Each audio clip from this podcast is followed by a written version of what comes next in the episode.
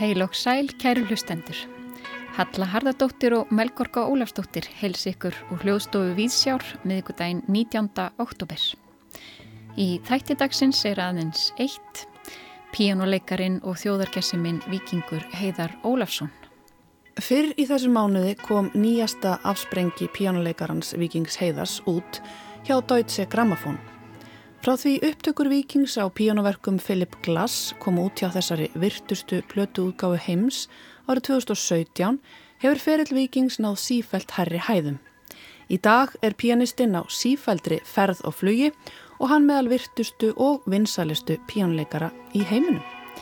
Vikingur hefur auk þess unni náið með nokkrum af virtustu tónskáldum samtímans og nýjasta platan hans sem ber titilinn From Afar er vittnisspurður um fleiri en eitt slíkt samtal.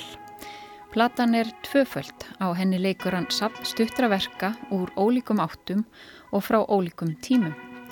Þau vefur hann saman í eina heilt og úrverður eins konar sveipmynd af listamanninum sjálfum.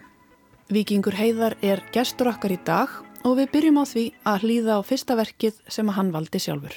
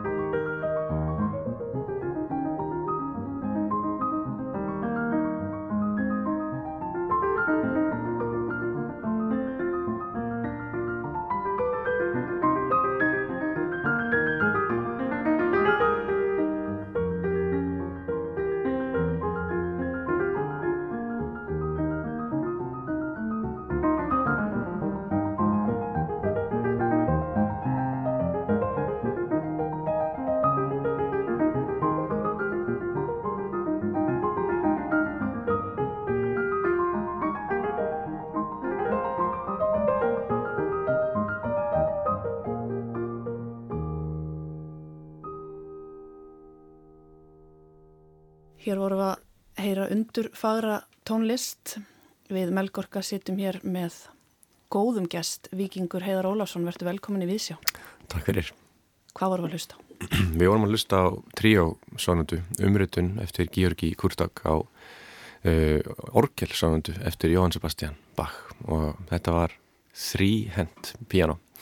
Það var svo svo tvær af þessum höndum tilhera mér og ein hendin tilherir höllu vatnju koninu minni og þetta er sem sagt umrutun eins og fallegasta sem ég þekki og skemmtilegasta sem að ungverska tónsköldu Georgi Kurta gerði og, og gaf nýlega út og hreinlega tilengaði mér.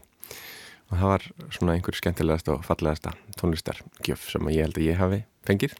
Og þetta er af já, nýjustu plötunum minni From Afar eða hvað ég var að segja, úr fjarska. Mm -hmm.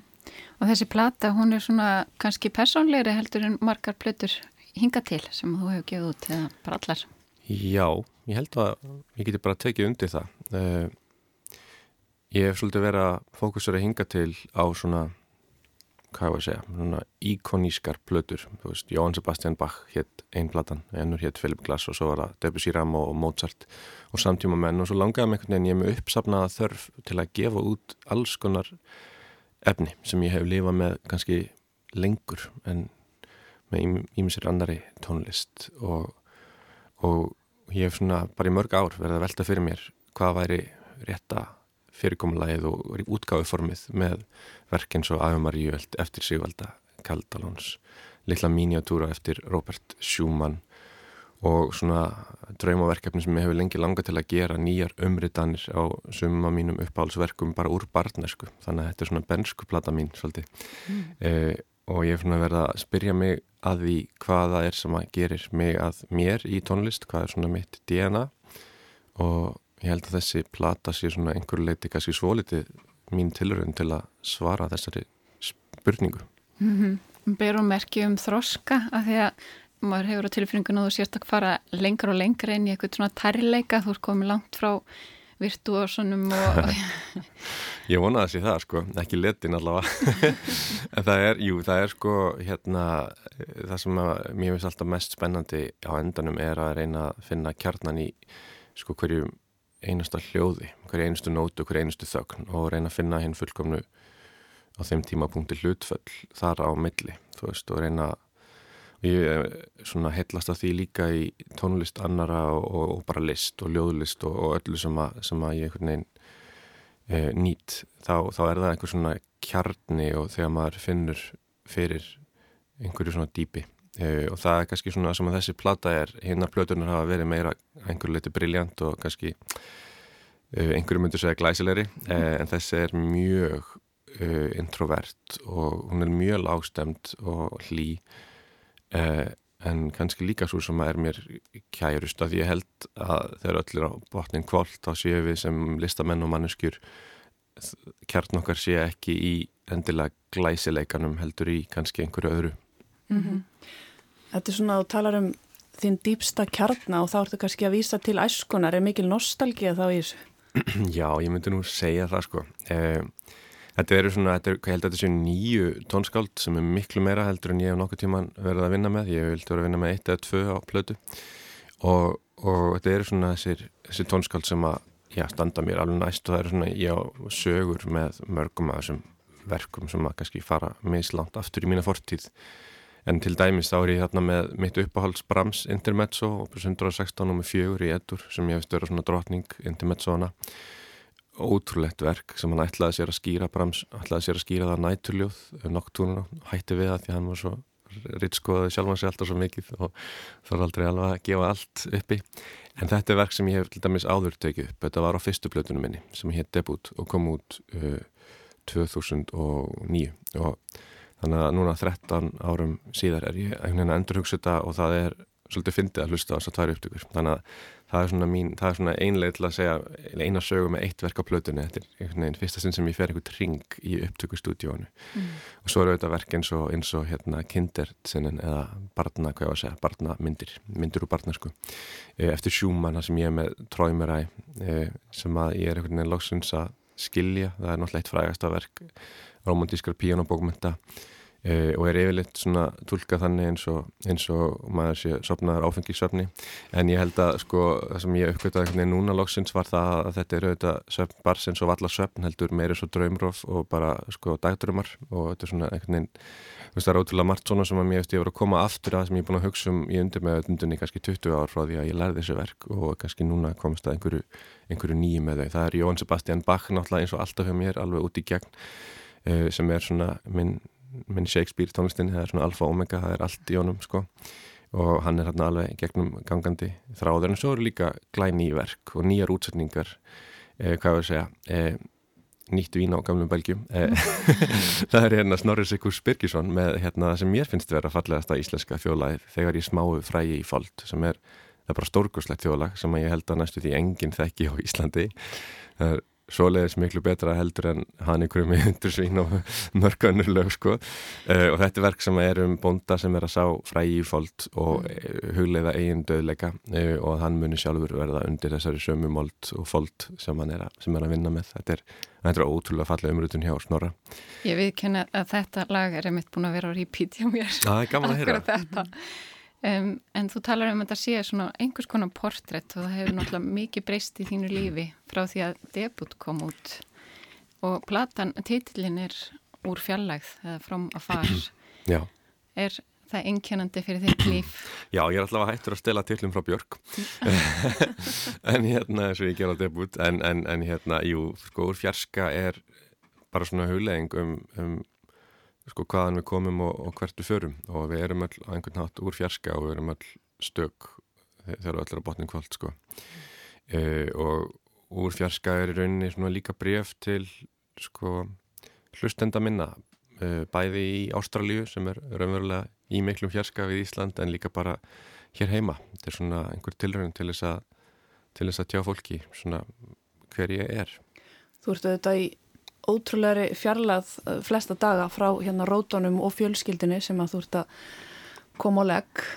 Varst að segja okkur hérna yfir kaffibotla áðan að þú værir nýkomin úr ferð, komst í gær ferð aftur á morgun, ert með sex tónleika framundan, viðsvegur um heim. Hvernig er hægt að lifa svona? Það er bara ef maður spyr sér ekki þessara spurningar þetta er hættuleg spurning. Eh, eh, en það er hérna ég held að sé rauninni ekki mikið erfiðar að lifa svona heldur en að vera einstæð næstu því, móðir eh, mm. með, með, með tvo litla pjaka ég er ekki að segja að kona mín sé alveg einstæð en hún er náttúrulega, eh, já, hún er í stóru starfi og með ótrúlega skildur og meðan að það sem ég gerir er erfitt en það er ekki það erfiðasta. Eh, það er, þegar maður kemst upp á svona lægið með það þegar maður fer inn í einhvern svona ritma þá, þá ef maður heldur heilsu, þá, þá er þetta bara þá er þetta alveg gerlegt sko. Eh, en auðvitað er það þannig að maður á aldrei frídag heldur sko, það er, við, það er aldrei helgi hjá mér, ég á aldrei sunnudag. Það gerist bara ekki sko. Mm. uh, en þá nú til þess að taka þetta er nú frekar skemmtilegt jobb sko. Uh, og það er gaman ég er að spila Schumann og Ravel sex kvöld í rauð um Evrópu sko. Uh, en maður fer bara inn í eitthvað svona eins og fólk þekkir, þú veist að maður fer inn í eitthvað svona törn, maður, mín törn er kannski bara mínar tarnir eru kannski bara aðeins oftar. En þetta eru mm þetta eru skemmtilega tarnir sko. Mm. en það er aðalega ef maður er með vald yfir sko viðfangsefninu, það er þess að ef manni líður eins og maður setji svona eins og ég myndi mér að bakka við setið þegar hann spilaði orgel, það er svona myndin sem ég hef oft í huga mér þegar ég fyrir ná svið fyrir framann 2000 manns eða eitthvað. Uh, að einhvern veginn gera þetta fyrir sjálfan sig og fyrir eitthvað annað heldur en híkomleikan og, og glæsileikan sem að showbusiness er auðvitað. Mm það verst að þetta gengur þetta ekki upp ef maður er með til dæmis of marga konserta eða um of mörgu verk og ég hef alveg brent mig á því og þá bara lendir maður næstu því tögu áfalli og það er bara, þá er þetta erfiðast að starfi heimi sko. Það er bara óheimju erfitt og hræðilegt að þurfa að sinna því sko. En, en ef maður hefur þetta vald og hefur þetta jafnveg yfir hversu mörg viðfangsefnin eru og hversu ólík þá er þetta svolítið skemmtilegt. Svo kemur þú heim og nælir þér í leikskólapest og allur glæsilegi hverfur. Já, mitt, ég kom heima á lögutast morgun og það voru allir búin að leggja heima í guppupest uh, fyrst næst yngsti og svo næst yngsti og svo móðurinn og, og mér var að tjá það þegar ég kom heima að þetta væri nú búið en auðvitað er þetta aldrei alveg búið svo ég er náttúrulega lendið því núna aðfarn átt mándags en, en þá er maður líka bara þakkláttu fyrir þá hjartengingu og það, er, það er bara eins og það er. Þess að segja, það er hérna þegar ég upplifið það líka að vera einn með tvo stráka og, og þurfa að gera ímislegt þegar að hallar á fulli einhverju öðru, þá, þá er það mörgluti miklu öðru heldur en að uh, spila Ravel koncertin í Festival Hall í London, það er mörgluti miklu betra jobb sko. Mm.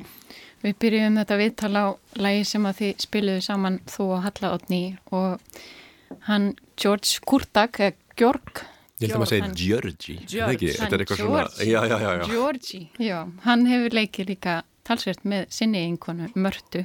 Og tilengaði þér e, þessa umritun.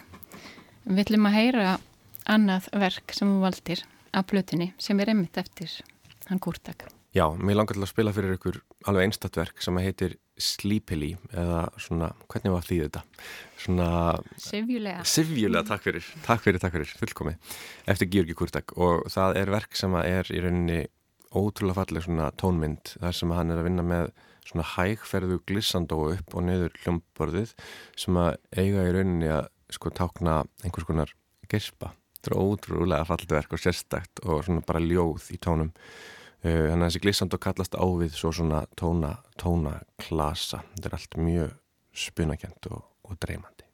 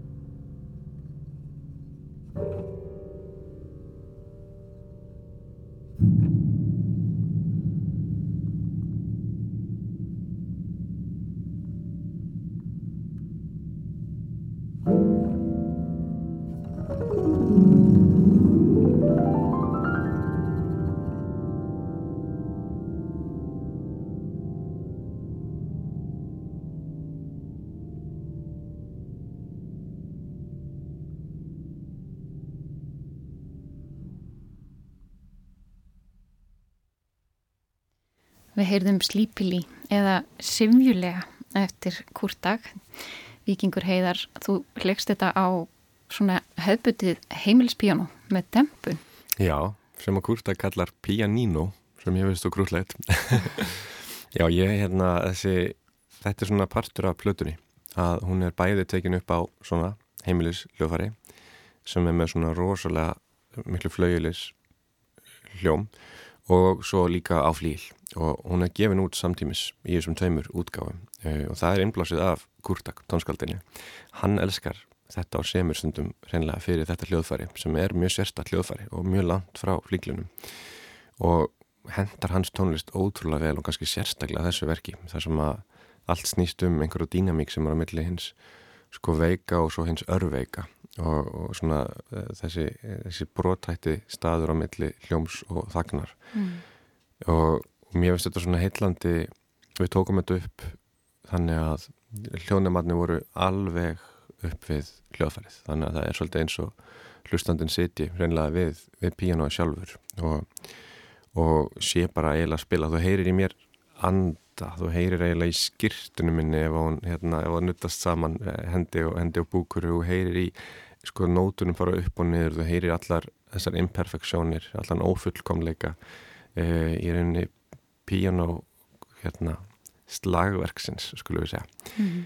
e, en svo er hún líka tekin upp sem við heyrum líka á, á, á, á flíl. Og það er líka bara svona annar heimur og ótrúlega fallegur. Þetta er svona eins og uh, annars vegar að spila inn í Söfnebergi, það er þá píanóð og svo er hitt að spila einhvern veginn inn í glæsulegu stúdjó eða tónleikasall. Mm. það er svona öðruvísi, öðruvísi nálgun og bara önnur fegurð, sko, en ég hef alltaf verið svo hrifin af píanóin og ég var alltaf með píanóin í mínu Söfnebergi þegar ég var að alast upp að því að það var svo mikil tónlist á mínu heimili og mamma og pappi áttu nú flíl uh, og eiga. Og, og nema hann var bara í svo mikil nótkun og ekkit alltaf ég sem að naut þar forgangs heldur, kannski nefndur mömmu eða pappi að semja tónlist eftir vinnu og svo fram með þess að ég var mjög kröfuharður á að vilja hafa aðganga píanói og alltaf verið þannig uh, hvernig sem ég, sem ég hendar mm. þannig að þau leistu þetta með að setja píanóin í herbyggi mitt eldgamalt uh, danst og eða bara brotið píanó. En sko, hljómurinn í því svona hlíleikin og, og einhver svona einhver svona umhyggja sem að finnur í, í svona gömlu píanói það er,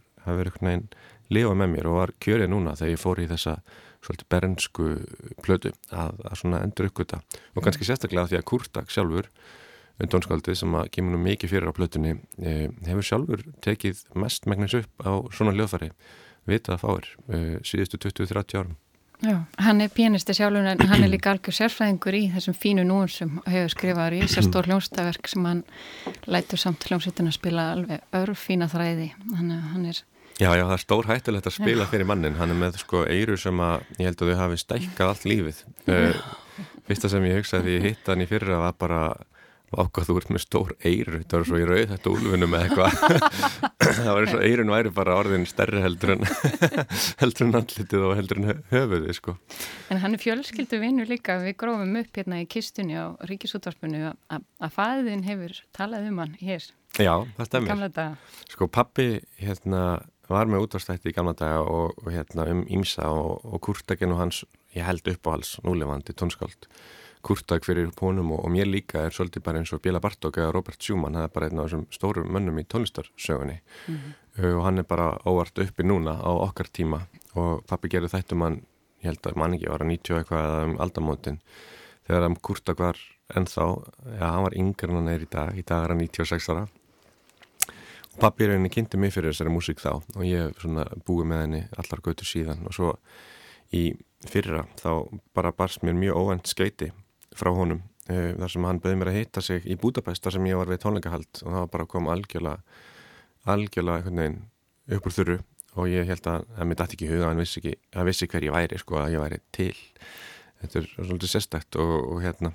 Og þá heiti ég hann í kvöldi fyrir tónleikana mína í Budapest og átti að vera tímindna fundur og hann var tekin upp sérstætt uh, á myndavill, sérstætt á filmu.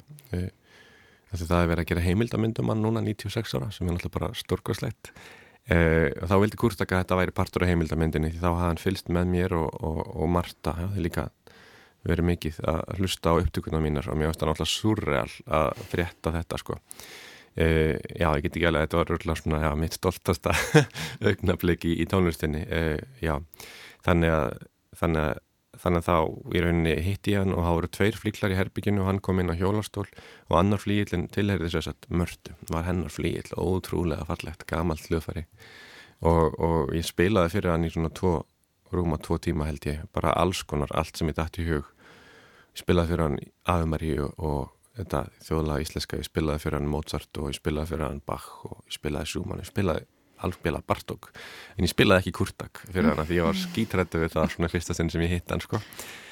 Eh, en já, svo ganga af mér árita bók og skrifaði til mín alveg ótrúlega fallett og, og hérna og svo held, heldu við í rauninni sambandi þennan að ég ákvaða senda honum ekki þakkabrifa því ég fann ekki orðin heldur að senda honum plötuna sem er núna komin út og, og ég mun færa honum þessa plötu bara núna um helgina því ég er að fara að spila í Budapest á lögutaskvöldið og mun hitta hann fyrr um daginn þannig að það er mikið til ykkur nefni. Það verður gaman að fá viðbröð frá honum. Ég er búin að fá viðbröðin, þeir voru mjög fyndin. Uh, hann ringdi í mig uh, uh, fyrir svona rúmum, eða teimum mánum. Ég sendi honum plötuna áður hún kom út og hann var kampakátur með tónlistina en svo sagði hann við mig að það væri ein mjög alvarleg aðtöðarsend, hann tala mjög hægt sko. Og svo bara sagði hann ekkert og svona, mér fannst það að vera halv mínúta það var örgulega bara meira svona 5 sekundur en, en það var heil eilíð fyrir mér. Og svo sagði hann hérna bæklingurinn. E, það er engin mynd af konunniðinni í þessum bæklingi og það er, gengur ekki.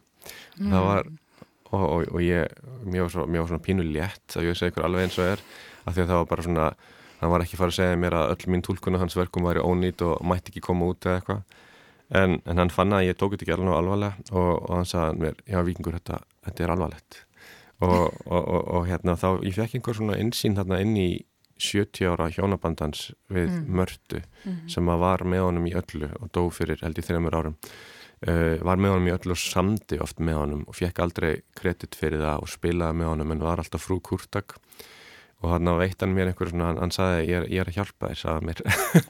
og þetta er alveg horrið, þannig að hérna þegar að diskunum verið endurprentaðir, þá verða myndir á höllu en, en, en hérna, þetta var þetta var, margar myndir þetta var, þetta var, þetta var, þetta var ótrúlega eftirminnilegt komment og, og, og svolítið vandræðilegt fyrir mig mm. eh, eh, en á sama tíma betra að einhverju leiti heldur en að myndi segja mér að tólkunum mín á verkum að svara ónýtt, það var mjánað með það, þannig að það er allavega eitthvað Já, mikið sviði Eða að setja Hina útgáfuna þessu sama lægi sem vorum að heyra?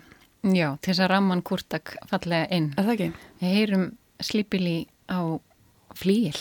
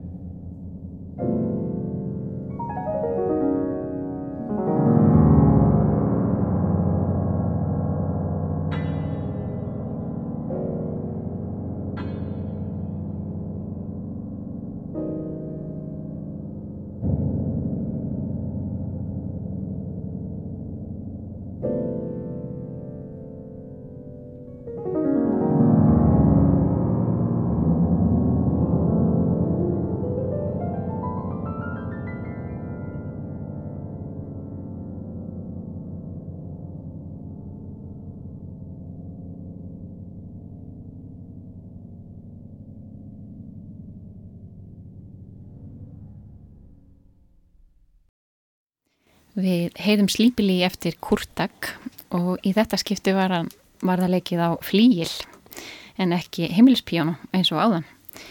Vikingur heiðar, ég fór að hugsa þegar ég sá að platan var svona sem er óvinnulegt hvort að píjanistin hefur þörf fyrir samskipti við hljófarið svona í söknuði eftir kammermúsik að ég upplifi að þegar leikur kammermúsik þá ertu alltaf að fá meira feedback eða svona mm. eitthvað viðbröð frá öðrum músikant. En þegar þú ert einn við píanóið þá er það raun bara hljóðfærið sem þú talar og hefur svona áhrif. Hefur það ekki áhrif á einhvern veginn Já, meina það, þetta sé svona eins og tríoplata ég og tvö hljóðfæri. Jú, það er alveg rétt. Uh, og maður fær alltaf aðra endurgjöf frá svona heimilispiano heldur en frá flikli og það er svolítið svona heimilispiano þú svona segir því svolítið uh, sögur í trúnaði. Það er svolítið þannig, þú veist að menna flíil er eitthvað sem þú ert líka að spila á í stóru sölunum sko. Og þannig að jú, það maður spilar allt öruvísi á píano, þetta er ekki þetta er ekki sömu tólkanir bara á bara ólík, ólík hljóðfæri, tólkunum verður allt öruvísi og þú sér það bara á sko tæmingunum, tímasætningunum og, og lengdunum á verkunum, það eru allt öruvísi með, eftir því þú, þú spilar þegar þú ert að reagera á eins og svona heimilspíano þá ertu að reagera á eitthvað allt annað heldur en á flíil sem er með miklu dýbri og, stærri bylgjulengdir á öllum nótunum. Þú veist, þú ert ekki með hann hljómbott sem að flíilin hefur, þú ert með miklu stittri ómtíma og þú ert með miklu í rauninni perkussívara og primitívara hljóðfæri en samt líka sko hlýra og, og einhvern veginn svona viðkomara hljóðfæri, þetta er svona svolítið, svolítið þversvagn. Þannig að maður spilar allt öruvísi, frasarnir fara í aðra átt og, og fá nýtt líf. Þannig að, þannig að það var líka svolítið hugmyndin þetta er svona eins og stúdja á það hvað já, klassisk tónlist getur verið uh, síbreytileg og jafnvel í meðförum sama flytjanda sama daginn í stúdjónu mm -hmm. Er þetta eins og að klappa gamlum bíl? Ég ætli það ekki. Það er gamlum keti Já En talandum viðbröð og svona feedback frá bæði hljóðfærinu og svo líka bara fólki út í sal og fólki út í heimi. Nún er það þannig að platan er komin út og við höfum auðvitað þetta viðmið sem eru samfélagsmiðlar og Spotify veistu eitthvað hvernig henni gengur hann út í heimi? Bara vel, hún var á poplistum í Þýskalandi og mér veist að hm. eh, hún var hérna eiginlega við hliðin á Björk næstu því sko að Þýska poplistanum og svo var hún eh, já, gengur hún vel, mm. veist þannig að mér svolítið fyndið að sjá hérna Snorrasíkus Birgisson, Íslenska þjóðlæðið, eh, Georgi Kurtak og þetta dótt vera hérna í popinu. En það gleði mig, er enda mjög mikið, Kurtak popparinn, 96 ára ungarinn, einhver alvarlegasti og fallegasti tónlistamæður okkar tíma, allt í ennum mættur, ég veit ekki hvort hann veit einu svona hvað svona listi er, sko, ég er ekki við sem hann hafi bara heyrt um það. Eh, en, en hún er sem er svolítið gaman að sjá, er, er sko, jú það er alveg ótrúlega hlustun uh, og svo er hún alltaf svona mismundi á mismundi verk og sem verk einhvern veginn fara strax einhvern veginn eins og flugveldar. Uh, bara upp uh, í, í heimingeimin og það er alltaf eins og eitt svona flug, flugeldur fór frá vestfjörðum og það var Ave Maria eftir Sigvaldi Kaldalars og það er svolítið skemmtilegt að bara það verki kom með mjög margar miljónir streyma bara á heimsvísu og hverju með einasta degi, ég held að sé núna 300.000 hlustanir á það í hverju viku ef ekki meira bara Spotify. Það er bara eitt svona miðill þannig að það fer bara, það, það er ótrúlega svona sérstætt að sjá þau skilabóð frá okkar afumaríu að, að, að því að við höfum aldrei gefið þetta verk út í svona samingi það hefur komið út en það hefur reyldi verið sko íslenskar útgáfur og svolítið lokari markaður. Mm -hmm. En mér var svolítið fallit að sjá fólk reagera á þessa afumaríu sem er okkur held ég að ég geti sagt svona kær hér á landi mm eða fólk njótunar á sama hátt og það kannski nýtur Schubert afumaríunar eða Bakuno eða, eða þú veist hún talar á einhvern svona svona uh, heimsvættan hátt til fólks. Það gleði mig rosalega mm. mikið. Ég er búin að hugsa um þetta verk núna síðan ég umrita á fyrsta umritunin sem ég gerði nokkuð tíman til einhver höllu 2007 þegar við vorum bara eila næstu tíu unglingar og hún var uh, og, og það svolítið svona loksis 15 árum síðar er, er hún einhvern veginn komin út á þeim, þeim stað sem hún á að vera og, og ég er, já, það er ekkert sem gleði mig meira heldur en að hún fari svona við það sko. En þú hefur farið svona þínar leiðir líka í dasgrákjör, bæðið á tónleikum og á plötum. Þú eh, hikar ekkit við að fletta saman mjög ólík verk frá ólíkum tímum, kannski bara kapla úr stökum verkum. Hvernig eru viðbröð fólks við þessu? Kannski vanar því að heyra pínast að spila risastóru verk og heila sónutur? Og... Sko, það er nefnilega svo áhugavert að ég býst alltaf við meiri kritík en ég fæ á það af því að þetta er svo ólíkt í sem að flestir er að gera og maður býst alltaf við því að allir vilji allt sem allir er að gera, það sé allt svolítið eins og allir gerir bara þrjár sónutur á gíslaplötu og það sé bara klassisku bíónutur sem er náttúrulega mjög langt frá þessum ég vinn en svo kemur svolítið óvart hvað fólk er til í þetta og líka svona traditionalistar eh, en það er kannski bara að því að þetta er ekki bara einhvern veginn, þetta er svona eitthvað sem maður liggur yfir í eitt ár og þetta er svona eins og playlisti sem að þú bara hættir ekki að vinni þú veist, mm -hmm. vennilega gerir fólk playlista á hálftíma eða tímindum og ég gerir playlista á sex mánuðum eða tól mánuðum og svo tekið það upp og, eh, en þetta er alveg endalösa pælingar og hugmyndin er svolítið að þessi playlisti eða uppröðunin á plötunni sé bara tónsmíði sjálfur sér og fólk sé vonandi með mér svolítið frá fyrsta til síðasta verks. Og það er svona sem ég er að keppa við, ég er að keppa í rauninna móti því hvernig fólk er umverulega hlustur á tónlist sem er að taka bara svona bara þau verk sem að það er hrýfst á að setja í einn playlista, ég vil einhvern veginn að fólk fara inn í minn playlista. -hmm. og það er svona mitt litla, litla mission í þessu. En þetta er náttúrulega eldgömmul hugsun þetta er ekki eins og þetta sé nýta, þetta er ekki þetta er í rauninni ekki poppað að gera þetta svona heldur er þetta eitthvað sem að týrkaðist hjá Chopin og Brahms og, og Liszt og öllum sem að voru þessi flytjendur 19. aldar mm -hmm. og tónskald auðvitað, en þeir eins og Chopin hann spilaði aldrei allar 24 preludíuna sínar sem einhvern síklus, bara alls ekki og hann gerði það bara ekki. Og þetta held ég ekki í huga einu sinni. Hann setti þar í samingi kannski eina eða tværa eða þeirra ár preludíur, við veitum það því að við eigum þessi prógram og með einhverjum allt öðrum verkum. Og svo voru oft spuna stundir inn á milli verka og svo kom einhver óvendu gestur og þetta var bara allt öðruvís en það er í dag. Þessi hugmyndum tónleikaformi eins og það er í dag hún er svolítið frá Gustaf Mahler og mönnum sem voru allir kringum aldamóti 1900 þá verður svona ákveðin alvarleiki og, og það verður ákveðin svona skilgrinninga á hverjir eru tónskáld og hverjir eru flytjendur. Og ég er ekkit á því að það er vendilega verið gott fyrir tónlistina og tónlistasöguna að þetta gerðist. Að ég held að það sé mjög jákvægt fyrir flytjendur að nálgast músíkina út frá sjónarhóli eða þeir geta e, tónskálda og hugsa eins og tónskáld þegar þú spilar verki eftir tónskáld. Þannig að mér finnst þetta með Sergei Rachmaninoff vera kannski fremsti tólkandi Chopin í bara sögunni en samt spilar hann alls ekki allt sem að Chopin skrifar hann spilar oft piano þar sem hann stendur forti hann spilar allt unni tempo og hann gerir mm -hmm. allt mhm. öðruvísi en hann nálgast þetta á einhverjum svona dýpri skilning hann mætir tónlistinni eins og tónskald mm. og þannig ég held að það sé eitthvað sem við ættum að fókusera svolítið á í dag þegar við erum að kenna ungum hljóðfæralegurum og söngurum að, að, að tólka músík, að reyna að fá það líka til þess að skrifa músík og skilja þennan prósess frá því að það sé ekkert á blæðsjöðinni og þannig til að alltaf komið með nótur og, og blik og, og kannski tónverk. Mm. Kannski uh, þessi breyting á framsetningunni kannski hafði líka hugmyndin um snillingin einhver áhrif á þetta um pianistan sem einhvern svona virtuós sem þurft að koma fram og bera eitthvað á borð og fá síðan uppklapp fyrir og halda svo áfram en ekki að hann bera á borð eitthvað svona prógram. Já, þetta er ótrúlega áhugavert. Þetta er náttúrulega, sko, þetta heldur áfram alveg inn í, ég meina Rækmannof Prokofjev, Sjóstakovits, þetta eru flytjandur að eigin tónlist og stundum tónverkum annara en svo svona síðustu 50 árin þá er þetta næstum því næstum því alveg horfið. Mm -hmm. og það er svolítið sorglegt, jú þú ert með Thomas Addes, þú ert með einhverju svona nokkra sem, a, sem að gera þetta svona aðeins. En, en jú, þetta er, þetta er, þetta er einhver kannski, einhver, einhver, leif, einhverja leifar af, af þessu, en svo er þetta líka bara einhver krafa sem koma síðust 50 árum að, að þú þurftir að nálgast tónlist á svona ákveðnum forsendum og klassiska tónlist. Og þetta er svona arfleið af Darmstadt skólanum og, og svona búlesískar pælingar þar sem að tónlist nálgast næstu því sko metafísík og bara og, eða vísindi hreinlega sko og bara, og bara eðlisfræði sko. Um, það verður mjög sérhæft mm -hmm. en ég held að sama hátt sé alveg rosalega gott fyrir tónskáld að vera flytjendur.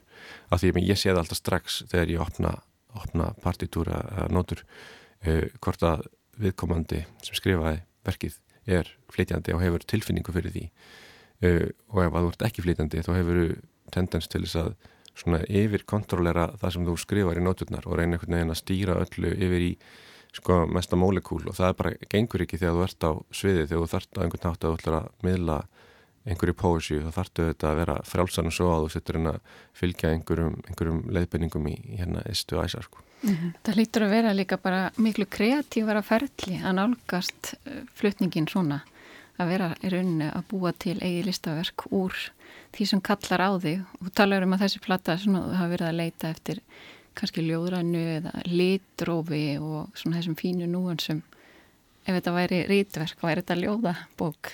Já, þetta er nákvæmlega það. Þetta er ljóðabóki mín. Það er engin spurning. Ég hef með þess að tala um þetta, hérna, My Album Poems, að ég nú einhverju, einhverju viðtali var að við, já, elenda blagamannum daginn og skammaðast mér pínu fyrir að segja það því mér eftir að ég láfi mikið, en, en þetta er það samt. Mm -hmm. Og þetta er svona, þetta er ekki, þetta er ekki lógísk, sko, framvinda. Samt finnst mér hún lógískari heldur en eiginlega allt sem ég hef gert. Mm. Þannig að það er nú svona einhver þversögn, sko. Já. Við ætlum að setja eitt lag á fónin áður en við hvaðin þig. Vikingur, hvað hefur að setja fónin áður hvaðin þig? Sko, þessi plata er nú svona svolítið bref líka til Ungverðlands og til Georgi Kurtak og það langaði mig til þess að hafa ég mitt uppáhaldsverk eftir Bela Bartók, hérna samlanda Kurtaks. Og þetta eru þrjár þjólaga útsendingar sem eru lít þekktar og lítið spilaðar eh, sem heita Þrjúlög frá Cheek og þetta er svona eins og þjóðlög eru på sitt besta, þau eru einhver svona samlíðan fólks yfir kannski 500 ár. Verkslög sem eru svungin frá ömmu til barns sem syngur það svo áfram til síns barnabarns og þannig gengur keðjan. Og Bartók, þetta er svona, þetta er laglinu sem þá getur ekki samið, það er verða til einhvern svona starri hátt. Og Bartók gera þarna útsetningar sem að mér finnst eiginlega fullkomnari en, en, en fullkomið sko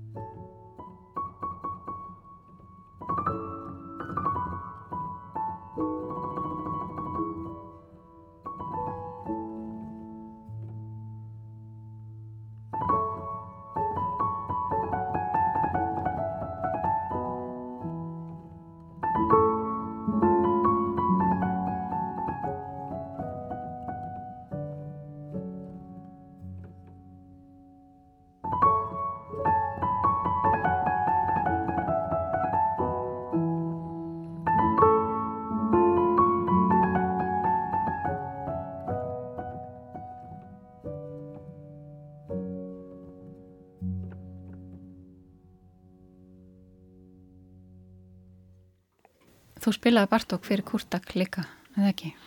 Jú, það var svona smá smá moment fyrir mig uh, hann sagði mér að ég spilaði Bartók eins og múter tsunge eins og hann tala svona smá þýsku skotna ennsku uh, og það því er eins og, eins og móður eins og það væri móðutunga mín og ég held að sé einhver tenging á milli í, sko, íslenskra þjóðlaga og ungverskra þjóðlaga og það er einhver rytmi í tungumálunum í íslensku og ungversku.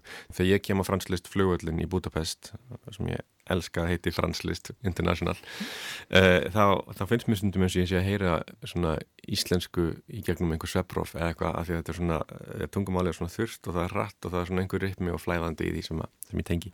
En ég held að það að spila Bartók fyrir okkur á Íslandi sé náttúrulegt og, og ég var mjög gladur og fegin að hann skildi að því ég, ég hef með svo sterkar skoðanir á hvernig Bartók að vera í spilan mjög á minnhátt sko. mm. uh, þannig að já, þannig að núna mér alveg saman hvað kritíkarinn segja, veist að Kurtak ápuna veita mér svona blessun ég spilaði Bartók einu sinni fyrir nefnda Bartóks þegar ég var bara 18 ára og, og nefndi Bartóks var 90 eitthvað ára gammal Georgi Sjandur uh, sem var frægasti nefndi Bartóks Bartók dó 1940 hvað fjögur eða eitthvað. Mm.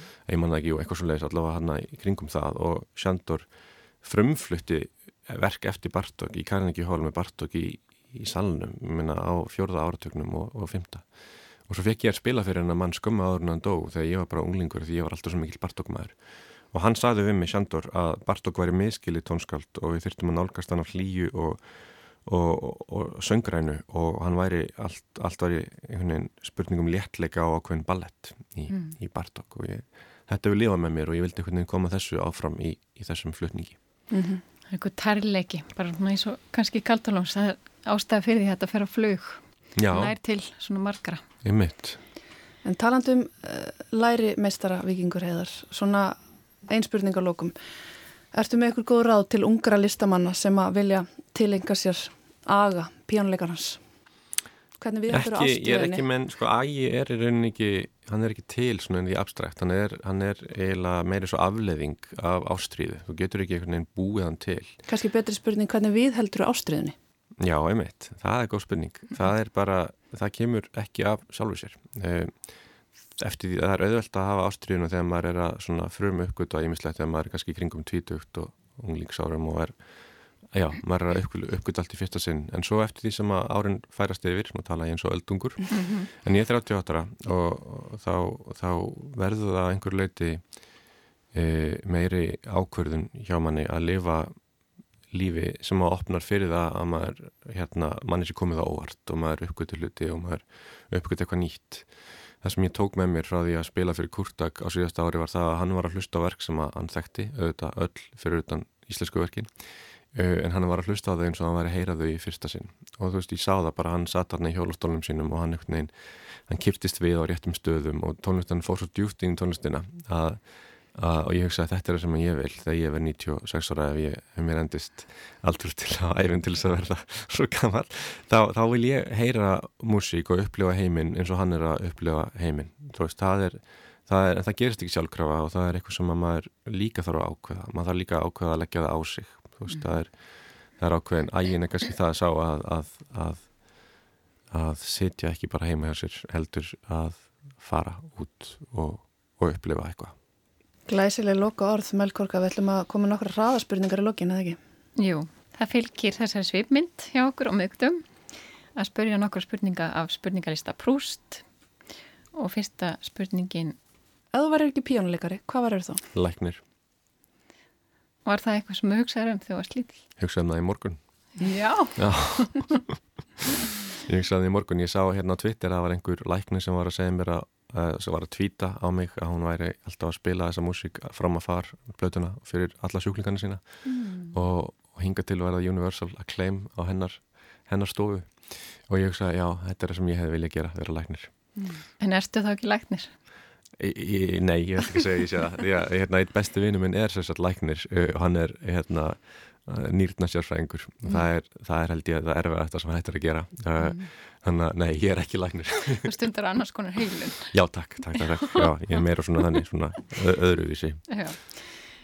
Hver er uppáhalds myndlistamæðurinn þinn? Það myndi vera Magnús Tómasson tengda fæði minn við hefum alveg ótrúlega fallega verk eftir hann sem ég sé á hverjum einasta degi og svo eru auðvitað þessar stittur hann sem eru út um allt land og spila stort hlutverk í því hvað gerir Ísland á Íslandi og spyrir mig uh, bara eins og, og ennbætsmaðurinn við, nýri við tjörn og þetta minnisöldum og þetta ennbætsmannin eða, eða sko meiri laumuverk eins og, eins og hérna dýrin við, á bak við Vesturbæðaskóla sem hann er búin að taka það er í þess að stóra kletta og svona steina og búin að setja á þau horn og hann verður klettur að einhörningi og þetta er svona, þetta er, þetta er list ímyndunarapsins en ég myndi alltaf segja Magnús Tómasson í fyrsta seti Og svo einn klassisk alveg í blálókin, hver er þín helsta fyrirmynd? Það myndi vera Jóhann Sebastian Bach það er engin spurning eh, maður sem að gekk þennan veg í, í tónlist og virðist ennþá að vera framtíðin fyrir mig og svo marga aðra tónlistamenn eh, fyrir minn sem að ég mun aldrei nálgast það að komast nálægt en, en hann er samt fyrir mér eh, stærsti listamæður allra tíma Vikingur Heiðar Ólafsson, takk fyrir að vera með okkur hérna í Víðsjá. Það er komið að lokum. Við ætlum að enda sjálfsögðu á tónlist og við ætlum að lefa þér að kynna hann einn.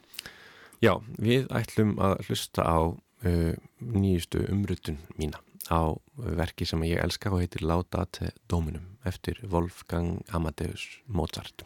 Og þetta er umrutun sem að uh, ég tilenga Georgi Kurtak og er upprunlega fyrir sopran söngkonu eða mjög háan með svo uh, kór og litla kammersveit. Þetta er bæn Mozarts kallast á blöðunum minni á við Ave Maríuna sem er bæn Sigvalda og þetta er svona eins og Mozart, þetta er, þetta er, þetta er einn óendanlega laglína, þetta er einn óendanlega bæn, hann getur ekki hægt að byggja.